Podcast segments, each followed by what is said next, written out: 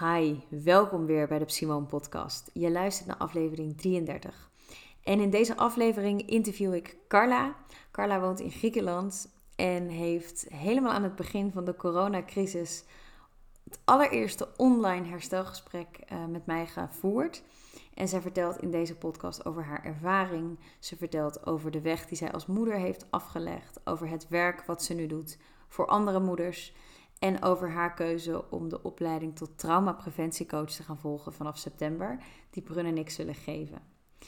Ik denk dat het een heel herkenbaar verhaal is voor heel veel moeders. Ik zou zeggen, ga lekker luisteren en uh, ik wens je heel veel inspiratie en luisterplezier. Hi, mijn naam is Simone Scherpenzeel en ik ben psycholoog en newborn momcoach. Met mijn bedrijf Simone help en inspireer ik zwangere vrouwen en kerstverse moeders bij het vinden van meer rust en vertrouwen. Zodat die intense periode van het moeder worden ook vooral een periode kan zijn van blijdschap en genieten. Mijn intentie met deze podcast is zorgen voor meer bekendheid en erkenning van alles wat erbij kan komen kijken. Van prille zwangerschap tot en met het eerste jaar na de geboorte. Van je in en in gelukkig voelen tot heftige, zware emoties. Ik hoop je te inspireren en handvatten te geven, zo dicht mogelijk bij jezelf te blijven in deze bijzondere ontwikkeling die je doormaakt. Ik wens je heel veel luisterplezier.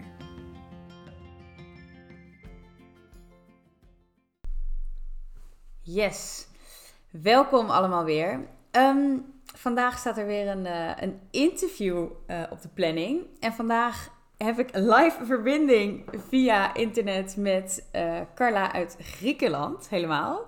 Maar het klinkt tot nu toe uh, heel goed, de verbinding. Dus ik hoop dat het allemaal uh, goed blijft gaan ook. Um, Carla heb ik eigenlijk leren kennen via, um, ja, via, via Instagram. En zijn wij met elkaar in contact gekomen. En begin dit jaar, of in, maart was het volgens mij, maart, april... Um, heb ik samen met Carla een herstelgesprek gedaan naar aanleiding van de geboorte van haar, een van haar kinderen. Carla gaat hier straks van alles zelf over vertellen. Um, maar dat was eigenlijk de basis voor dit interview. Dat Carla zei: Ik wil heel graag mijn verhaal delen. En dat is ook altijd mijn eerste vraag: van waarom wil jij je verhaal delen, Carla? Ja, nou, uh, het was inderdaad in maart ongeveer. En uh, ik was zelf heel erg bezig met, uh, met mijn eigen ontwikkeling en uh, ook met de ontwikkeling van mijn eigen bedrijf, uh, waarin ik heel erg bezig ben met jonge moeders. Waarin ik voelde zelf van, oh, maar volgens mij zit er bij mezelf gewoon nog heel veel omtrent het moment dat ik zelf moeder werd en de eerste periode daarna waardoor ik met een negatief gevoel op die periode terugkeek. En ik had het gevoel van, dan moet ik eigenlijk zelf eerst iets mee voordat ik anderen daar nog beter in kan begeleiden. En uh, als ik dan ook terugdenk aan hoe ik überhaupt met jou in contact ben gekomen en jou ben gaan volgen, weet ik niet eens meer ik weet hoe dat allemaal is gegaan. Maar juist op dat moment begon jij ook te delen over het herstelgesprek. En uh, ja, en wat je daarin deed. En ik had zoiets van, ja, maar ik heb geen trauma.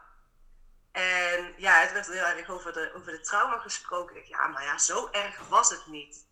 Maar op een bepaald moment postte jij van, als je alleen al terugkijkt op de bevalling met een gevoel van dat er ergens iets niet klopte, dan kan dat al tot een trauma leiden of is dat al een indicatie? En toen dacht ik, ja, maar dat klopt. En terugkijkend op mijn bevalling is er alles totaal gewoon niet op de natuurlijke manier gegaan. En dan denk ik, ja, dan vond ik het heel logisch dat uh, hoe ik me na de bevalling heb gevoeld en eigenlijk de jaren daarna, dat dat heeft doorgespeeld. En hmm. toen dacht ik van, hé, ik neem toch contact met je op. Ondanks dat ik in Griekenland zat en de gesprekken altijd face-to-face uh, -face, uh, zijn. Ja. En ja, dus zo is het eigenlijk ontstaan. Ja, want jij was mijn allereerste uh, herstelgesprek via Zoom. En daarna heb ik ook gewoon met vrouwen in Nederland het via internet gedaan. En het bleek gewoon net zo goed te werken. Daar ben ik je nog steeds zo dankbaar voor dat jij dat wilde doen. Ja. ja. Ja, het was een hele bijzondere ervaring. Dat is echt iets dat ga ik nooit meer vergeten. Het was zo mooi, de sfeer die je ook zelfs gewoon door online, dat dat, ja, dat dat gewoon zo goed die energie ook voelbaar was. Ja, dat was heel mooi. Ja. Dankjewel. En is het voor jou oké om, ehm, om misschien de luisteraar ook mee te nemen in het, in het verhaal, of in hoeverre je dat zelf wilt? Um, hoe, want je zegt er is heel veel niet goed gegaan. Ik denk dat vrouwen zich daar misschien ook in kunnen herkennen. Ja, ja eh, de laatste tijd. in grote lijnen. ja. ja. Ja, ik besef me de laatste tijd steeds meer ook uiteindelijk wat het herstelgesprek, uh, wat er toen is gebeurd, dat dat eigenlijk is wat ik vanaf het begin af aan van mijn zwangerschap heb gevoeld hoe het moest gaan. En mhm. dat begint nu ook, en we zijn echt een half jaar verder, begint dat nu ook weer ja, op zijn plek te vallen. Dus ja, eigenlijk, uh, mijn verhaal is dat ik uh, in Griekenland ben gaan wonen ehm, ja, om bij mijn man te zijn, twaalf jaar geleden. En het leven is hier natuurlijk wat anders dan, uh, dan in Nederland. Is veel natuurlijker, veel meer in contact met, met, met de natuur. En daardoor is ook mijn leven wel bewuster geworden. En um, aan de andere kant heerst er hier in heel veel natuurlijke producten, processen, homeopathie. Maar aan de andere kant, als het aankomt op, op zorg, zijn de artsen hier enorm, uh, ja, wordt tegen opgekeken. Wat de arts zegt is echt gewoon 100% waarheid. En iedereen volgt dat blindelings. En uh, op het moment dat ik zwanger werd, uh, had ik meteen heel erg het gevoel van, ik wil daar niet in. Ik wil niet in die molen. Ik voel van binnen het verhaal wat ik ook altijd van mijn man heb gehoord. Hè. Zijn moeder heeft vier kinderen gekregen, gewoon onder de olijfboom. En um, ook dat stukje wow. weer aan het herstelgesprek, bedenk ik me steeds. Um, dat ik denk van ja, dat moet toch gewoon kunnen. Maar er heerst hier gewoon een hele grote angst op. Um, ja, op wat als, stel nou dat. En ja, sowieso al ben je in het ziekenhuis hier, zijn nog steeds de, de, de, de ja, hè, noodoperaties, noem maar op. Dat is gewoon. Um, ja, ik, ik had bijvoorbeeld een buitenbemoedelijke zwangerschap. Ik moest met spoed geopereerd worden en het duurde nog, nog drie uur voordat ik het OK op kon. Weet je, en dat is dan zeker met bevalling en zwanger zijn. Ja, zijn die controles hier gewoon zo streng en sterk, of sterk met name, om te voorkomen dat er dingen mis kunnen gaan. En daarbij wordt dus de vrouw wel heel erg.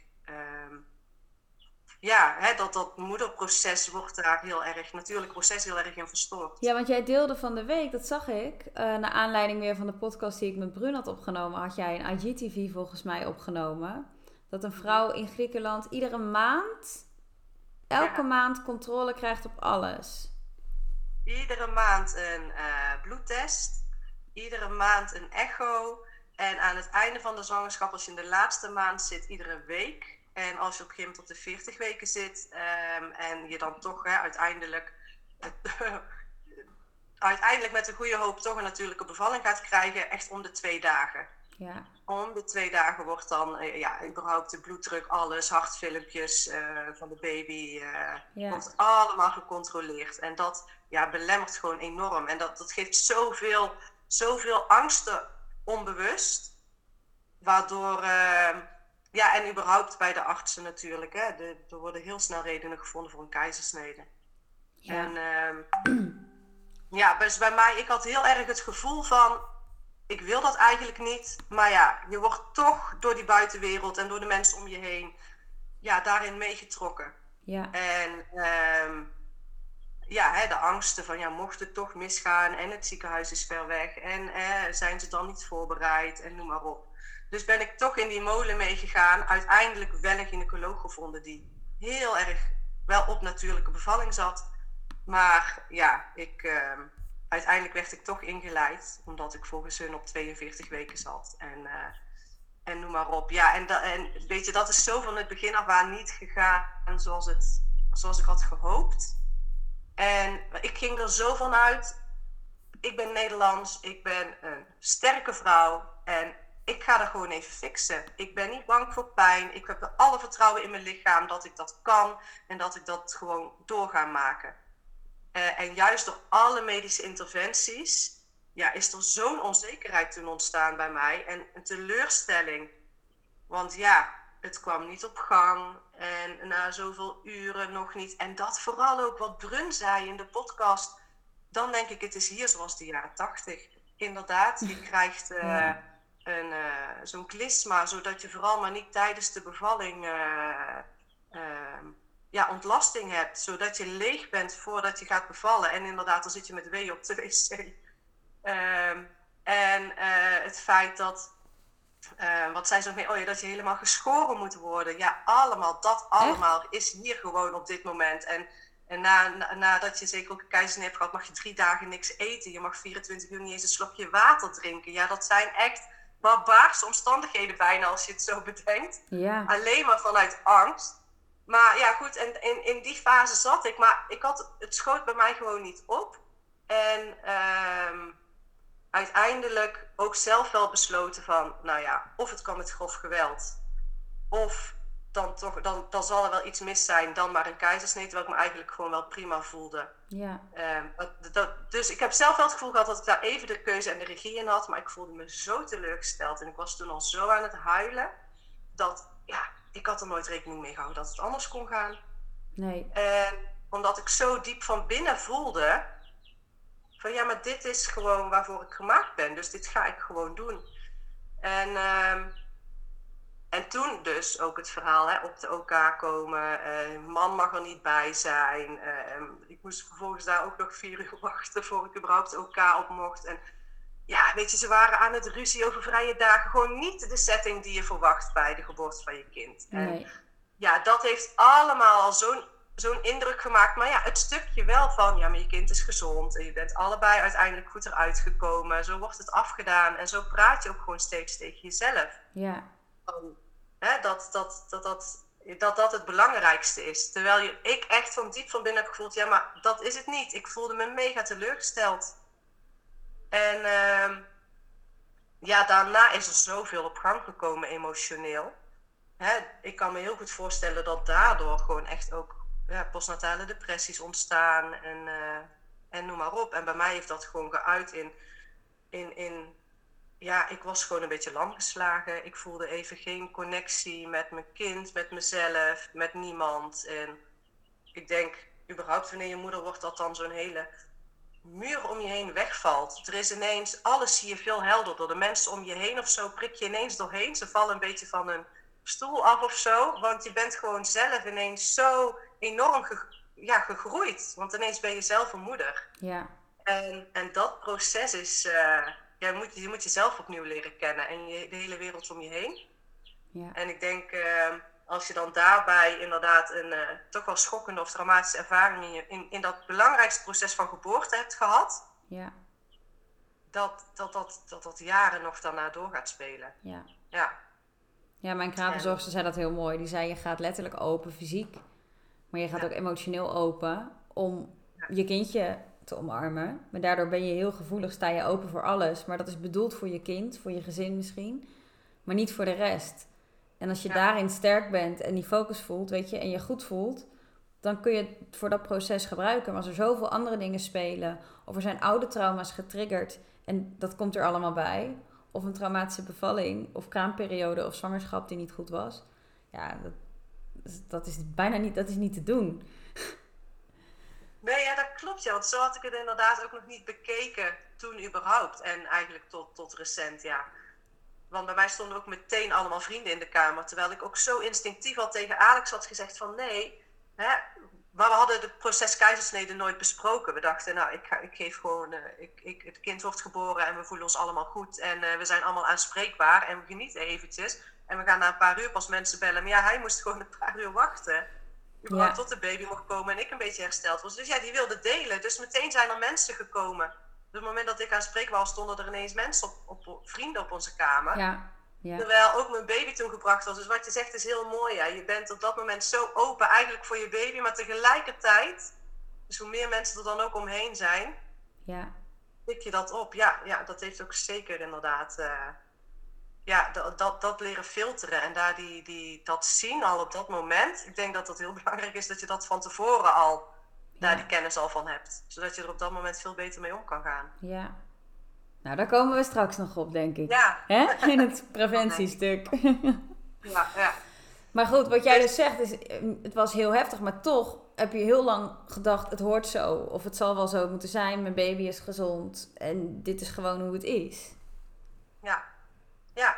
Ja, en, en, en de borstvoeding kwam ook gewoon op gang. En want ik dacht van, hè, oh nee, keizersnee, dan heb je ook allemaal die problemen nog.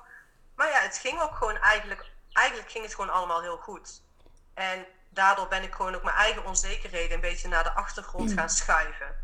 Van, hè, hè, die, die, ja, hè, dan kan je je kind toch niet helemaal voeden. Waar uh, Dorene van Vol Vertrouwen het laatst ook over had. Hè, van, dan wil, ja, je, denkt dat je je kind in een Madonna-houding voedt, maar dat doet gewoon heel erg pijn als je een wond hebt op je buik. Dus ja, dan op een gegeven moment kom je op andere houdingen en noem maar op. Je wordt continu geconfronteerd eigenlijk met dat stukje dat het niet is gegaan zoals je wilde. Ja. Ik in ieder geval. Eh, maar toch iedere keer maar dat dialoog in je stem. Ja, maar hè, ik herstel toch eigenlijk super snel en mijn kind doet het goed. En dat. Dus steeds maar eigenlijk voorbij gaan aan dat gevoel van.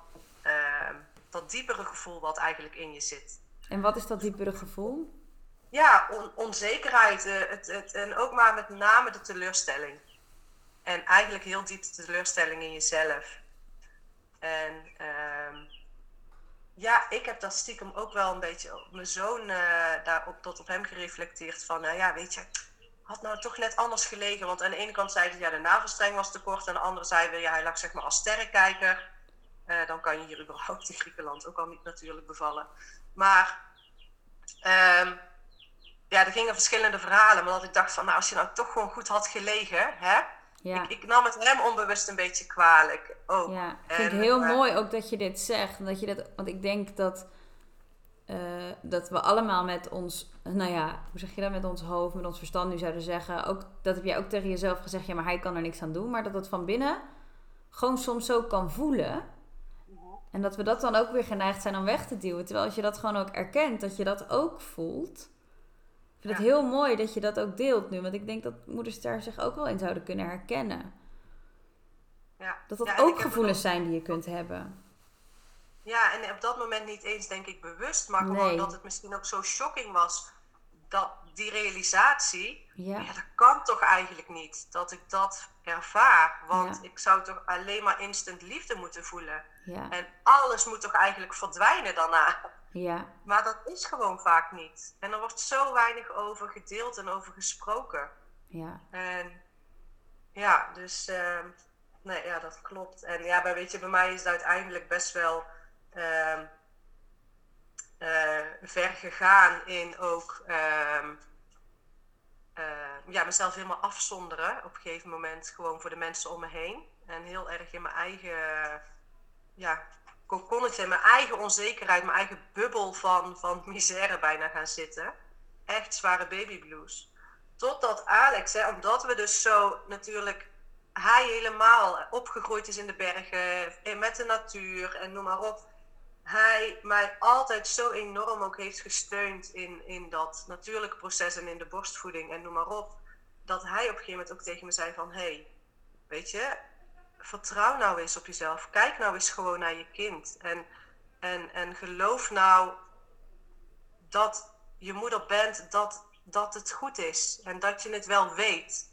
Laat nou eens eventjes al die gedachten los. Ik zat op een gegeven moment ook alleen maar in de boeken en op sites en Facebookgroepen en overal bij ieder dingetje. Ja. Want je wil ergens die onzekerheid en die teleurstelling die je diep van binnen voelt, projecteer ik ik, projecteerde ik bijvoorbeeld op mijn zoon en op de borstvoeding en op zijn gedrag. Ja.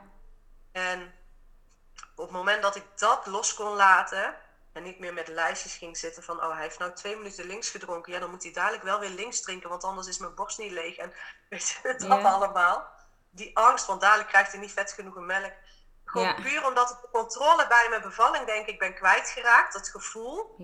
Dat ik dat heel erg op, me, op de borstvoeding toen ben gaan, uh, ja, gaan, gaan, gaan focussen. En mijn zoon die heel erg is gaan huilen door mijn emotionele toestand. En noem maar op. En op het moment dat ik wat meer de rust kon vinden, hij ook rustiger werd. Ja.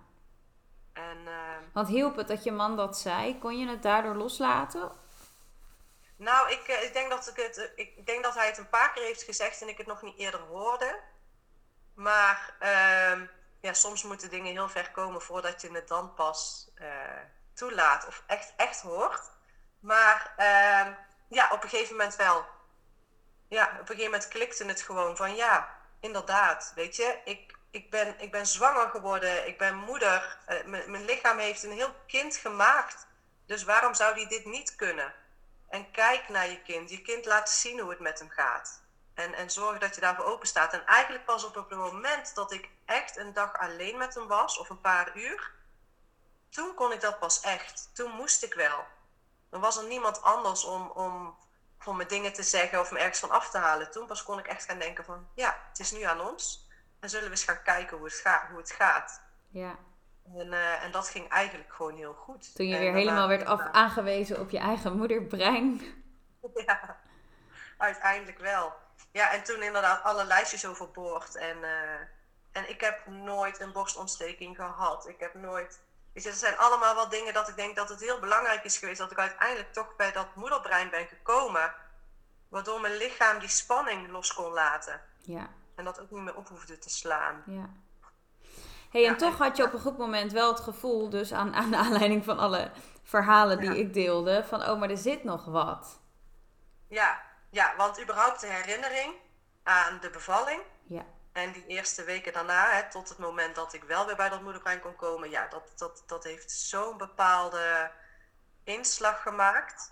En juist dat stukje van, hè, op het moment dat je denkt, of gewoon alleen al ergens niet fijn aan terugdenkt, dan is dat al genoeg om een herstelgesprek aan te gaan. Ja, en vooral hoe jouw reactie daarop is. Jij voelde dit, dit geldt voor mij. Ja, ja. Ja, en eh, ja, het kwam ook gewoon zo precies op het juiste moment. Ik had net daarvoor uitgesproken van, ja, weet je, misschien moet ik dat... Eigenlijk zou ik daar nog wel heel graag iets mee willen. Ja.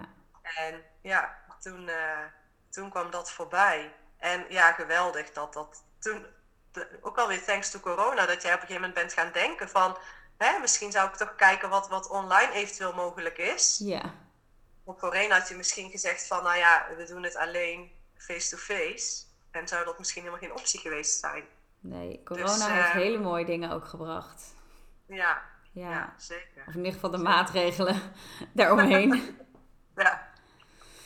Ja. Hey, want ja, wat hoopte je met dat gesprek? Um, dat vraag ik natuurlijk altijd. Wat, wat hoop je met dit gesprek uh, ja, dat er verandert? Wat hoopte jij dat er zou veranderen?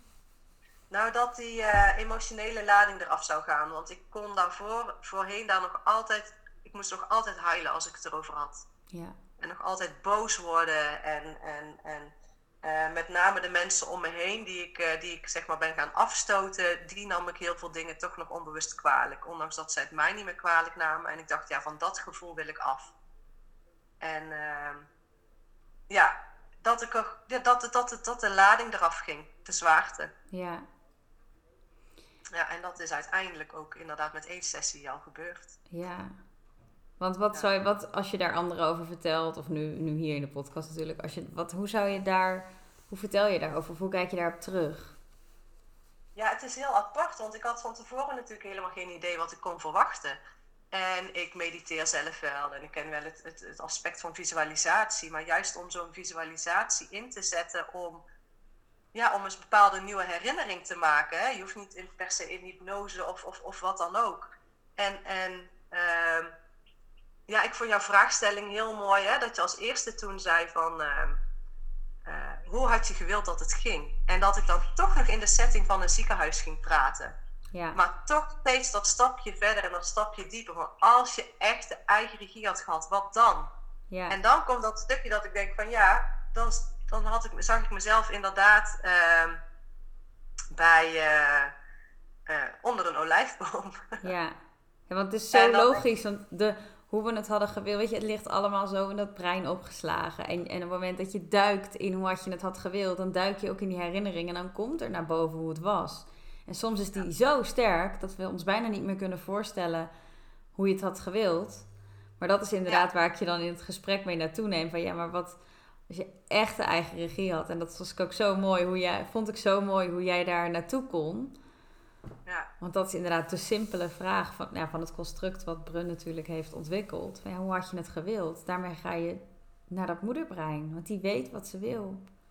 Ja, ja en dat is zo bijzonder dat ik ook denk van, hoe het ook allemaal heeft samen moeten lopen. Want mijn moederbrein had, zag gewoon echt de natuur en, en buiten en, en ook alleen Alex. En dan denk ik van ja, ik ben dus ook niet voor niks naar Griekenland gekomen. Weet je, dat, ja, dan die hele, ja, hoe alles dan zeg maar zo samenloopt. Maar ook het feit van ja, is dat dan, hè, kan je daar ook heel erg over na gaan denken. Ja, maar nou denk ik aan een olijfboom, want Hè, mijn schoonmoeder heeft, ja. heeft natuurgevaar. Maar dat weet, het maakt niet uit. Weet je, dat wordt gewoon op die manier. Eh, en een ander ziet zichzelf misschien aan de zee of langs een riviertje of gewoon thuis. Ja, en, en een, een moederbrein, kan, om even in die term zo te blijven praten, kan ook voelen. Ik voel dat er iets niet goed zit. Het schiet niet. Een moederbrein kan ook intuïtief voelen van er is nu misschien wel een medische handeling nodig. En het is juist dat ik nu. Dat kan. Ja. Weet je, het hoeft natuurlijk niet allemaal buiten ehm, of thuis of in bad. Want soms overheerst die overtuiging natuurlijk ook wel eens. Dat, dat het dan lijkt alsof je dan altijd maar in bad of onder een boom moet bevallen. Ja. Maar dit was wel heel sterk wat jij voelde. dat vond ik zo mooi, dat je dat kon ervaren. Want wat gebeurde er? Kijk, ik, heb, ik was er natuurlijk bij, maar ik denk dat het wel mooi is om dat te delen. Wat het met jou deed. Toen je dat kon ervaren.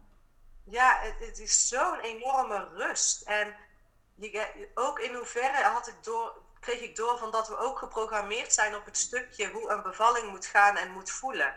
Want ik ervaarde echt, ik voelde mijn buik, ik voelde druk zich verplaatsen in mijn buik, ik voelde druk op mijn bekken, ik voelde ook, zeg maar, hè, na de geboorte, het, het, echt zo'n gevoel in mijn lichaam. En ja, nou, mijn echte bevalling doet wel meer pijn. En uh, weet je, zo ga je dan na. Ga je dan denken, ja. kan niet hoor. Maar daar gaat het niet om. Het gaat om het proces. En, en het feit dat voor mijn gevoel had mijn lichaam gewoon wel een kind natuurlijk ter wereld gebracht. Ja. Um, en ook het hele proces daarna, weet je, vond ik zo mooi. Het hield niet alleen op bij die geboorte, waarin je, waarin je me nog verder meenam. Oké, en wat gebeurde er dan na en toen en wat, weet je, zo kleine stapjes om het steeds vanuit mezelf, steeds ook wat breder en groter, groter te maken. Als je net zei van, hé, je staat open, dus niet alleen voor je kind, maar alles om je heen komt dan, hard, komt dan ook harder binnen. En in dat, in dat herstelgesprek heb je dat heel mooi, beetje voor beetje bij beetje, dat, dat dingen binnen mochten komen. Dus eerst mijn kind en toen mijn man en toen langzaam, weet je, eh, ben ik hè, vanuit de natuur toch naar huis gegaan. Maar dat was ook een huis, niet het huis waar wij op dat moment woonden. Maar wel de laatste plek waar ik me heel erg ja, veilig en, en, en welkom heb gevoeld. En Ehm, en toen dus langzaam ook de mensen die bij het hele proces betrokken waren, ook gewoon op mijn voorwaarden, zeg maar, en op mijn niveau van wie ik binnenliet. En ja, dat is zo, zo mooi geweest. Dat, ja, in plaats van dat je geen controle hebt, juist dat stukje dat, dat ik dat heb, heb bepaald. En iedereen was ook in een hele andere mentale staat. En, en, en er was meer ruimte en liefde. En misschien was dat ook wel op het moment dat me, hè, de eerste keer, zeg maar, hè, toen mijn zoon echt geboren is. Maar dat kon ik toen niet zien en voelen. Nee. En uh, tijdens dat herstelgesprek wel. En uh, ja, ik heb heel hard gehuild ook wel, herinner ik me nou. Ja. Ja. Ja, want nu gebeurt hetzelfde, hè? Nu, nu gaan we er ook weer in. En dan, ja. dat gebeurt in het herstelgesprek ook. Je, je, je denkt dat je sommige dingen bent vergeten, maar als je er dan weer induikt, herinner je weer dingen omdat je in dat stukje van je brein weer zakt. Dat gevoel. Ja. Ja. Ja, en dan mogen, mag ik misschien nog wel vaker gewoon ook even aan terugdenken weer. Dat weer even oproepen van, van hè, die, die, toch ook wel die vredigheid en, en die emoties die ik juist heb losgelaten. Ja. Dat, uh, en die ruimte die er, uh, die er daardoor is ontstaan. Ja, het was echt, uh, het was echt heel mooi. Ik had nooit kunnen bedenken dat het gesprek zo zou zijn, überhaupt maar ook de hele uitkomst en het verloop van, uh, van het gesprek. Maar daarna was het ook gewoon goed. Weet je, niet dat je, soms heb je herinneringen of dingen, daar blijf je dan maar over teruggaan en analyseren. En, maar dit was gewoon, ik heb er daarna ook, ben er niet, net als nu loop ik het weer helemaal na. Ja. Maar daar heb ik eigenlijk niet meer gedaan. Nee. Het was gewoon goed. Nee, daar heb je dan ook geen behoefte meer aan, kennelijk. Nee. Nee. nee. En eh, ja, met name dat ik dit wil delen is gewoon omdat ik weet dat er zoveel meer vrouwen ehm, zeker weten ergens terugkijken op hun bevalling. Of hè, misschien niet per se de bevalling, maar dat dat dus pas door de periode daarna is gekomen. Dat ze denken van, oh ja, hè, ehm, dat daar dan iets wringt. En dat dat te herleiden is op de, tot de bevalling. En ja, weet je, er is altijd denk ik iets te helen. En, en dat heeft bij mij enorm, zo enorm doorgewerkt. Uiteindelijk ook, ik bedoel, mijn zoon is nu, was toen zes. Ja. Um, ten tijde van ons gesprek bedoel je? Ja, ten tijde van het gesprek, ja. Dat ik zelfs zes jaar later merkte dat ik anders naar hem ben gaan doen. Ja. Dat ik, dat, dat ik wat meer rust naar hem heb gekregen en wat meer, uh, ja, die, die, die on, dat onderliggende gevoel van hem eigenlijk toch iets kwalijk nemen, dat dat weg is gegaan. Prachtig. En uh, onze relatie daarin is verbeterd. Hij was altijd al heel aanhankelijk, maar waarschijnlijk was hij zo aanhankelijk omdat hij ergens bij mij de bevestiging zocht. En nou komt de ik hou van je en de knuffels komen gewoon veel op, komen oprechter. En ja, dus uh, ja, dat je als moeder dus altijd wel iets te helen hebt. Uh, wat je door kan geven aan je kind. Of wat uiteindelijk zich uit in je kind. Dat is gewoon zo. Ja, ja. En dat het dus ook op de, op de goede timing komt. Want dat er ook zes jaar later soms de juiste tijd is om dat te doen. Ja, ja, ja. ja want zeker als, iets, als je nog zoveel emoties kijkt bij een bepaald onderwerp, dan maakt het niet uit, dan, kan, dan is het niet te laat. Dat je denkt, ja, maar zes jaar later kan je niks meer doen, maakt niet uit. Want dat, dat beleef je gewoon alsof het dan nog weer gisteren was. Ja. Dus, uh, ja, prachtig. Ja, dus ik weet van, uh, van Brun dat ze zelfs vrouwen in de overgang nog helpt met herstelgesprekken. Omdat de overgang weer bepaalde hormonen met zich meebrengt die het ook weer kunnen triggeren. En, en dat zelfs daarin klachten juist nog afnemen. En het is echt prachtig hoe het werkt. Alleen het is zo, het werkt zo door in ons emotionele brein. En dat is soms niet te bevatten met woorden. Hetzelfde dat je soms een gevoel kan hebben dat je, ja, ik heb de woorden niet. Of na zo'n herstelgesprek of tijdens een herstelgesprek denk je maar, ik voel heel veel, maar ik weet niet zo goed hoe ik het moet verwoorden. Ja. Het is soms niet, dat moet je niet te veel met je verstand willen bevatten. En tegelijkertijd is het allemaal, het is allemaal wetenschappelijk te verklaren op fysiek niveau hoe het werkt. Ja. Maar het hoeft niet. Je hoeft het niet te begrijpen. Om het te laten ik geloof gewoon met, heel, met echt dat, dat emotionele stuk. Wij, ik bedoel, weet je, wij hebben woorden bedacht. En net als jij zegt soms ook in het Engels, ja, vloeit het beter. Dan heb je net een ander woord voor een bepaald gevoel. Maar voor heel veel dingen zijn er gewoon geen woorden in ons vocabulaire. Weet je, dat is dan zo gevoelsmatig en energetisch. Daar zijn dan gewoon, bestaan geen, bestaat nog geen woord voor die dat omschrijft. En ja, dat is dat stukje tastbare en begrijpbare los willen laten. En dat dat een gevoel al genoeg is. Ja. Zonder het woord. Ja. ja. Dat is een stukje ja, controle ook wel weer. Want het is altijd fijn als je kan zeggen tegen anderen wat je hebt ervaren. Maar ik merk gewoon steeds vaker dat ja, als mensen zeggen van ja, wat, hè, vertel eens. Ja, ja, nee, ja. Nee, en ook als ik dan mijn, mijn verhaal vertel over dan hoe, hè, hoe mijn herstelgesprek is geweest. Ja, van ander klinkt dat misschien van nou ja. Maar dat zijn die woorden eraan. Het gaat om het gevoel wat ik daarmee heb doorgemaakt. Ja. En dat, dat, daar is waar het om draait. Het gaat uiteindelijk om jou en jouw kind. En, ja. uh, en niet om hoe je het aan de buitenwereld zou vertellen. Of dat zij het zouden begrijpen. Of noem maar op. Ja, mooi. Hey, net zei je, ik heb eigenlijk, nu zie ik achteraf, zie ik ook weer heel veel inzichten. Die ik ook weer uit het gesprek heb gehaald. Die inzichten, zijn die nu, heb je die allemaal nu verteld? Of zijn er nog inzichten die je nog wilt delen? Zijn er nog meer dingen hoe je er nu op terugkijkt? Nou, je noemde dat net in het begin even. Ja, dat stukje was van uh, dat ik er nou steeds meer achter kom van dat mijn herstelgesprek eigenlijk vanaf het moment dat ik zwanger ben geworden is geweest toen mijn moederbrein het had gewild. Dat ik vanaf het begin af aan zei, uh, en ik heb het eigenlijk zelfs nog steeds met mijn dochter gehad, omdat ik het natuurlijk bij mijn zoon toen niet van, nou, ja, het is nou mijn tweede kind. nou, ja. ik, ik, wil gewoon buiten in die, in, ik wil gewoon buiten natuur en hele medische systeem. Dat, hoe sterk dat gewoon toch de hele zwangerschap eigenlijk al sluimert. En hoe belangrijk het is dat je daar dus eigenlijk tijdens de zwangerschap al veel meer verbinding mee leert maken. En de angsten die door de ja, buitenwereld, maar door de maatschappij aan ons worden gegeven als zwangere vrouw. Heel makkelijk, want je staat er dus ook alweer veel meer voor open als je zwanger bent. Ja. Uh, ja, om, om, om daar, daar naar terug te gaan. En dan denk ik dat juist ook hè, die preventie daarin al zo belangrijk is. Dat je juist als je voelt in je zwangerschap uh, dat het anders. Dat je voelt dat, de, hoe het op een bepaalde manier zou moeten gaan. Ja. Dat je dat vast kan houden. En daarbij kan blijven.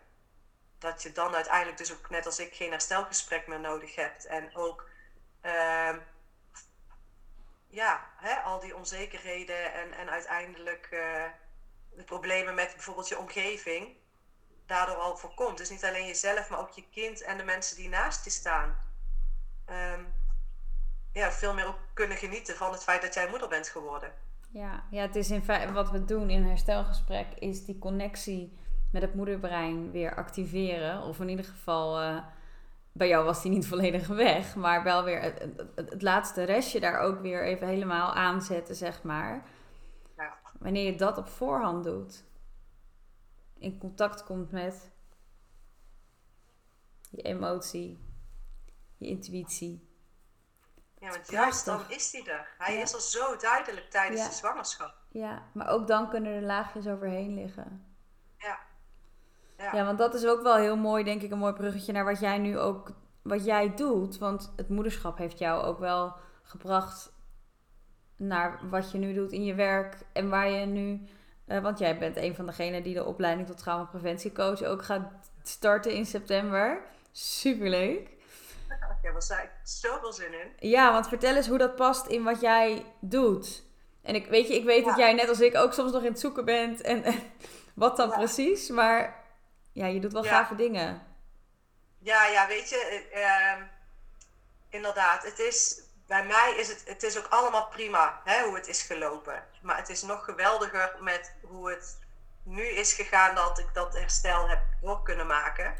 Um, want zonder dat had ik inderdaad nooit die zware onzekerheden en, en die, ja, die, die, die teleurstellingen in mijn lichaam en die controle willen uitvoeren over de borstvoeding van mijn, van mijn zoon en noem maar op. Um, want dat heeft er uiteindelijk wel toe geleid dat er toen iets is getriggerd omdat ook hier in Griekenland er gewoon, hier op het eiland in ieder geval, geen steun was voor borstvoedende moeders als alleen een kinderarts. Maar ja, die heeft natuurlijk een andere expertise. Dat ik zoiets had van, ik moet lactatiekundige worden. Maar daar ben ik nooit mee doorgegaan. Of dat is altijd wel blijven hangen. Uh, maar wel van, ik wil eigenlijk steun zijn voor die nieuwe moeders die daar ook mee struggelen. Uh, maar ook het stukje van mijn natuur. Hè? Van het, op juist op het moment dat ik zoiets had van... hé, hey, ik ben hiervoor gemaakt. Ja. Laat, gooi al die boeken eens even overboord van hoe het zou moeten. En ga zelf eens kijken naar je kind. Juist die connectie maken. Maar ik denk dat bij mij die, die fase überhaupt van... en die impact van het hele moederschap... mij nog zoveel jaren heeft achtervolgd... dat ik daar niet bij kon. En dat ik eerst nog... Uh, eerst nog een stukje persoonlijke ontwikkeling te doen had met mezelf. Met betrekking tot uh, hè, uh, de manier hoe ik überhaupt met dingen omging in mijn leven. En uh, hè, veel meer op het negatieve dan het positieve gericht zijn en, en noem maar op. En daar was op een gegeven moment ook het juiste moment voor. Dat ik ben op een gegeven moment hè, een, een live in alignment cursus gaan doen. Waarin ik zelf veel meer in contact ben gekomen met mijn eigen intuïtie. met energie, hoe gedachten werken, hoe, hoe woorden uh, belemmerende overtuigingen, noem maar op. En ineens klikte het, want ik had nog steeds dat gevoel, idee ergens van ik wil vrouwen helpen in de borstvoedingsperiode. Ehm, en toen ineens dacht ik, ja, maar als ik dat kan linken aan elkaar, dan gaat dat zo krachtig zijn als vrouwen van tevoren, en eigenlijk ook daarna, maar met name ook al tijdens de zwangerschap bezig kunnen zijn met het feit van hoe ze over zichzelf denken, um, hoe zijn ze Konden ze makkelijk zwanger worden bijvoorbeeld of niet? Hoe denken ze over hun lichaam? Wat uiteindelijk het resultaat, gaat, het effect gaat hebben ook op borstvoeding. Ja. Want als jij al niet helemaal in jezelf vertrouwt, hoe kan je dan vertrouwen hebben dat je lichaam ehm, ja, dat, dat hè, je kind genoeg gaat geven. Ja. En er zijn bijvoorbeeld heel veel controles en echo's en noem maar op wat je kan doen tijdens een zwangerschap. Maar na de hand is er eigenlijk geen indicatie dat je weet of, of de borstvoeding goed gaat. Je kan het niet controleren. Nee. En over de jaren, afgelopen jaren heen zijn natuurlijk heel veel mensen in mijn eigen omgeving moeder geworden. En ehm, ja, ik, heb een, ik ben mezelf ehm, daarin eigenlijk gaan specialiseren. En, en iedereen vroeg mij om advies en, en noem maar op. En ja, dat ik gewoon voelde dat het zo langzaam gaan groeien. En dat is toen in, in elkaar geklikt. En uiteindelijk is vanuit daar Conscious Mother Coach ontstaan. Ja. Om ja, vrouwen bewuster te maken van ja, hoe, hoe je hele lichaam en je gedachten samenwerken. Om uiteindelijk, met name bij mij dus, die passie met die borstvoeding. Omdat dat gewoon toch het meest natuurlijke en het meest logische verloop van een zwangerschap en een bevalling is. Ja. En als je dan een cirkel rond wil maken met, ja, hè, met, met borstvoeding daar ook nog aan toevoegen, ja, dan is het zo belangrijk dat, dat je daarin het contract, cont, hè, de connectie met je moederbrein blijft voelen. Ja. En ja, toen dus die preventiecoach kwam, dacht ik, ja, het is niet per se voor mij bijvoorbeeld met betrekking tot een bevalling, maar juist ook die periode daarna. En juist dat, dat effect van het, die diepere lagen in jezelf vinden, uh, gaat, mijn, gaat mijn programma en mijn aanbod natuurlijk nog completer maken. Ja, want en die bevalling is wel een hele essentiële katalysator daarin. Als een moeder de bevalling als bekrachtigend ervaart, is dat natuurlijk ja, een super mooie voorspeller voor een krachtige periode daarna ook. Ja. Voor die borstvoeding onder andere. Ja, precies. Dus weet je, en ik, ik ben eigenlijk al, ik ben altijd iemand van um, voorkomen is gewoon beter dan genezen. Ja. Dus tuurlijk kan ik vrouwen enorm helpen op het moment dat ze bevallen zijn en borstvoeding geven en ze dan emotioneel bijstaan en weer die kracht in zichzelf te laten vinden. Ja. Maar hoeveel mooier is het als je dat juist van tevoren al kan, zodat je dus inderdaad die bevalling zo in kan gaan dat je het gevoel hebt dat jij nog de regie hebt. Hè? En Ja. dat ook als inderdaad als je moederbrein zegt van er is toch een ingreep nodig, dat je dat gewoon echt voelt vanuit jezelf en niet vanuit een angst. Ja. En dat dan ook de teleurstelling er later niet is, waardoor, ja weet je, het, het, het, het loopt zo enorm allemaal in elkaar over. Ja. En ehm, Ja, en het is Ja, echt dat- bewustwording creëren. Want ik zoek, zoek, ik zoek daar met Brun natuurlijk ook wel in van... Wat we heel veel ziet is dat vrouwen een bepaalde ervaring hebben. En vanuit die ervaring bij een volgende zwangerschap er bijvoorbeeld nog veel bewuster mee omgaan. Maar dat het ook als je voor het eerst zwanger bent zo belangrijk is om je daar bewust van te worden. Van, eh, van het persoonlijke stuk en de invloed daarop. ja, En Ja, dat het niet alleen maar gaat is. over, over eh, je uitzet volledig klaar hebben en ehm, bepalen in welk ziekenhuis je gaat bevallen, zeg maar. Of, of, of thuis. Of, en ik denk zeker dat er, dat er veel meer vrouwen al zijn die bewust nadenken, veel meer nog dan vroeger. Het is ook meer nodig dan vroeger, want vroeger was het veel logischer dat je je eigen ding deed. En er is veel meer controle gekomen vanuit de medische wereld. Ehm, Ja. eh, dat je zoveel bewuster ook wordt nog van je persoonlijke ontwikkeling daarin. ja, ik denk mooi. zeker als je eenmaal een kind hebt gehad wat niet helemaal, hè, waarbij je de vroeging al wat meer zeg maar, voelde, Ja, dat je dan veel makkelijker in, in, in het traject met een coach bijvoorbeeld zou stappen dan wanneer het, zoals je zegt, je eerste kind is. Want dan ja, ga je ook eigenlijk nog steeds meer uit van, van de goede hoop en, en, en de roze wolk en noem maar op. ja, Maar juist dat het zo belangrijk dat het, dat het niet per se een angst is, want Nee. het kan misschien anders lopen of misschien gebeurt er wel iets. Nee, maar juist het stukje kies op een moment, zeker ook als je voor de eerste keer zwanger bent, om gewoon zo goed mogelijk in verbinding met jezelf te staan. Zodat je in ieder geval gewoon er echt alles aan hebt gedaan voor jezelf en voor je kind. Dat het, dat het gevoel wat je in die zwangerschap ervaart en, en, en eh, dat je dat door kan zetten. Zodat je in ieder geval geen negatieve of zo min mogelijk. En als je ze wel hebt, dat je in ieder geval weet hoe je er dan mee om kan gaan. Want dat heb je al geleerd tijdens je Ja. zwangerschap. Dat is gewoon even weer een reminder van, oh ja, hè, hoe kan ik daar dan ook alweer op intunen? En dat dat dan gewoon veel makkelijker ook kan. ja, Tijdens de bevalling, maar met- met name ook daarna. heel tof. Dus eh, ja. Hey, en wat is jouw missie? Heel Griekenland, eh, eigen regie? Nou, ja, oh nou, ja, als het uiteindelijk, kijk, mijn missie nu is gewoon vrouwen echt die kracht geven, weer in zichzelf, terug naar de basis, naar je natuur, naar het geloof in jezelf, dat jij jouw kind alles kan geven wat hij nodig heeft. Als het met name ook gaat om borstvoeding, hè, die rust. Ja. Ehm, maar om uiteindelijk, ja, en daar zitten bij mij ook wat belemmerende. Oh, wacht. Hij loopt vast. Ja, als het goed is ben je er weer. Jij zei, daar zitten bij mij belemmerende overtuigingen en toen stopte de opname. en toen dacht ik, volgens mij... Dus niet over je mag het daar gewoon niet over hebben, je moet het gewoon loslaten. Wat nou? Loslaten.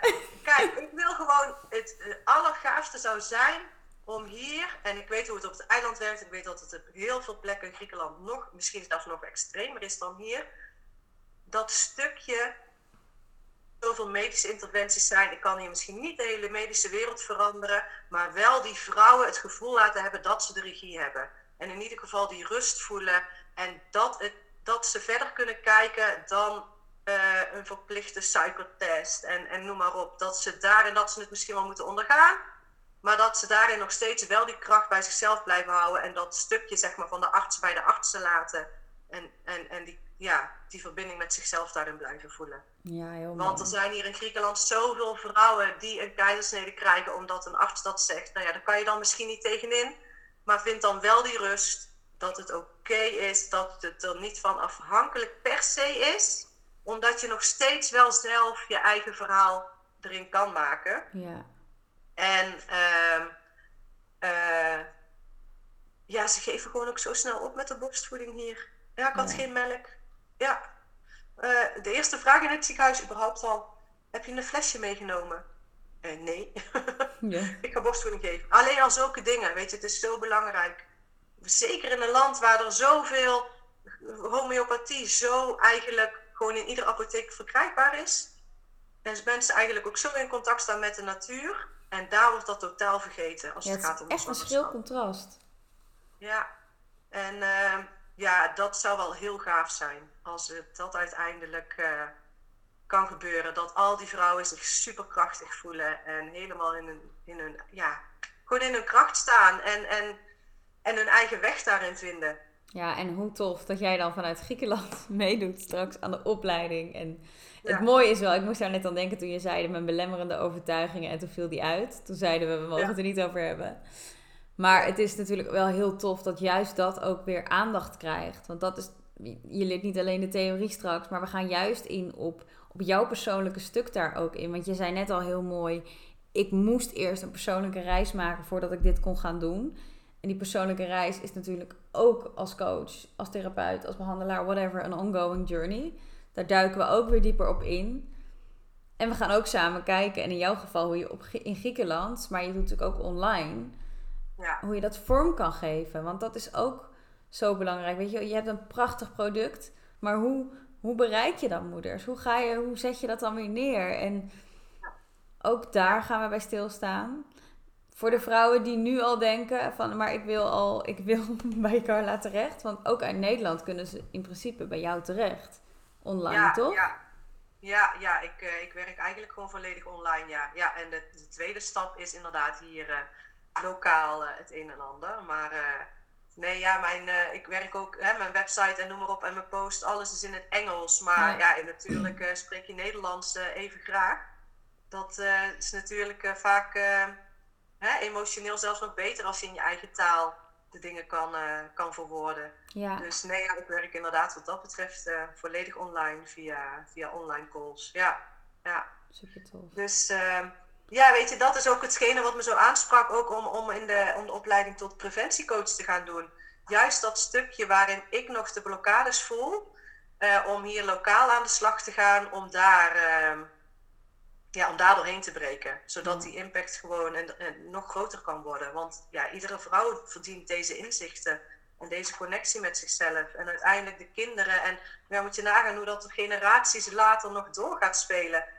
Omdat baby's gewoon in een veel rustigere omgeving ook geboren gaan worden. En moeders met veel meer, in, veel meer vanuit het contact met zichzelf ook de opvoeding ingaan. Ja, die effecten zijn heel groot. Ja. Ja, en ik vind het zo mooi hoe je het zegt en hoe je ook zit te stralen en erover vertelt. En die missie zo sterk is. Sterker nog dan, ja, dat was toch ook wel even, en dat, dat hoor ik van meer vrouwen natuurlijk, wel even van, oeh ja, het is wel weer even een financiële investering. Maar Dat jij ook gewoon voelt van ja, maar weet je, dat mag er ook wel even zijn. Maar deze missie is zo sterk, ik moet hier gewoon wat mee. En... Nou, ik het erover heb weer, want het is, ja, het is hier corona en normaal werkte ik in het zomerseizoen nog erbij voor extra inkomsten. En dit jaar zou er een uitkering komen voor degenen die niet konden werken, maar die krijg ik niet. Dus bij mij moet er nu geld ergens vandaan komen die er nog, dat er nog totaal niet is. En ik wil zo blijven vertrouwen in mijn missie dat dat, dat gewoon ook gaat komen. Ja, ik weet het zeker. Dat de bijbedrag heb zo groot is. Dus weet je, dat, dat kan niet anders. Dus nee, denk niet na over kosten of, of wat dan ook. Want ja, dat is wel echt het allerlaatste wat je, wat je tegen moet houden. Ja, echt heel erg mooi. Ja, dus... Uh, Jeetje, dankjewel. Ja, ik, ik sluit natuurlijk altijd af met de vraag: is er iets wat je had willen delen, wat je nog niet hebt gedeeld? Of iets wat er nog boven kwam, waar je zou, mee zou willen afsluiten?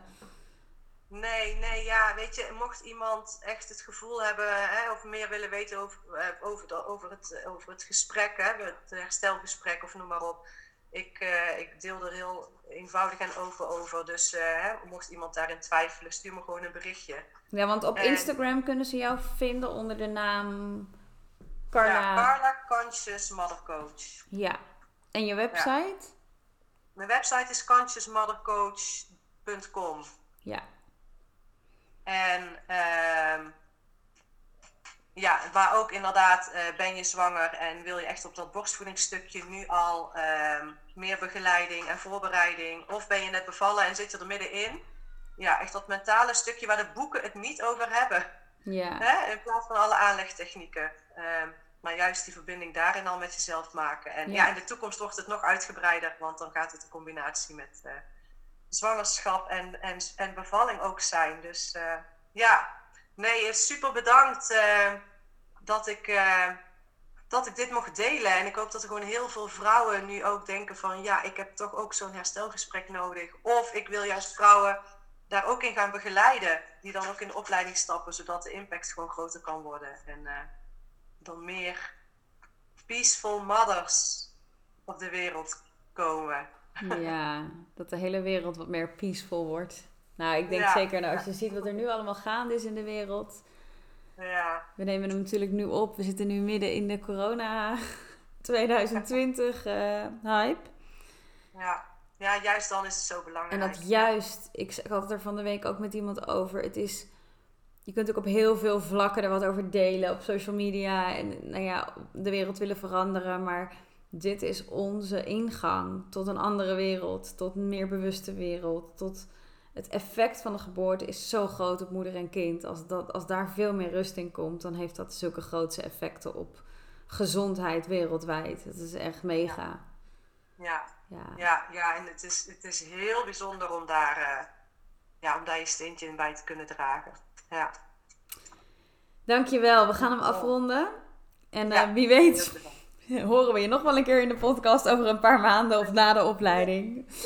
Dankjewel. En uh, fijne dag. Doeg. Doeg. Yes, daar ben ik nog heel even. Want misschien denk je naar aanleiding van dit interview wel: wat is die opleiding tot traumapreventiecoach? Kan ik me daar nog voor aanmelden? Uh, ja, dat kan. We hebben zowel voor de offline variant, die we in Vianen net onder Utrecht aanbieden, als voor de online variant nog een paar plekken. Beide opleidingen starten in september en je kunt je tot eind augustus nog aanmelden. Heb je vragen? Schroom niet om mij of Brun te contacten. Of misschien heb je wel vragen aan Carla daarover. Dat mag ook. Um, sowieso vind je meer informatie op www.degeboortespecialist.nl. Ga ik hem bij deze echt afronden. Dankjewel voor het luisteren en tot de volgende keer.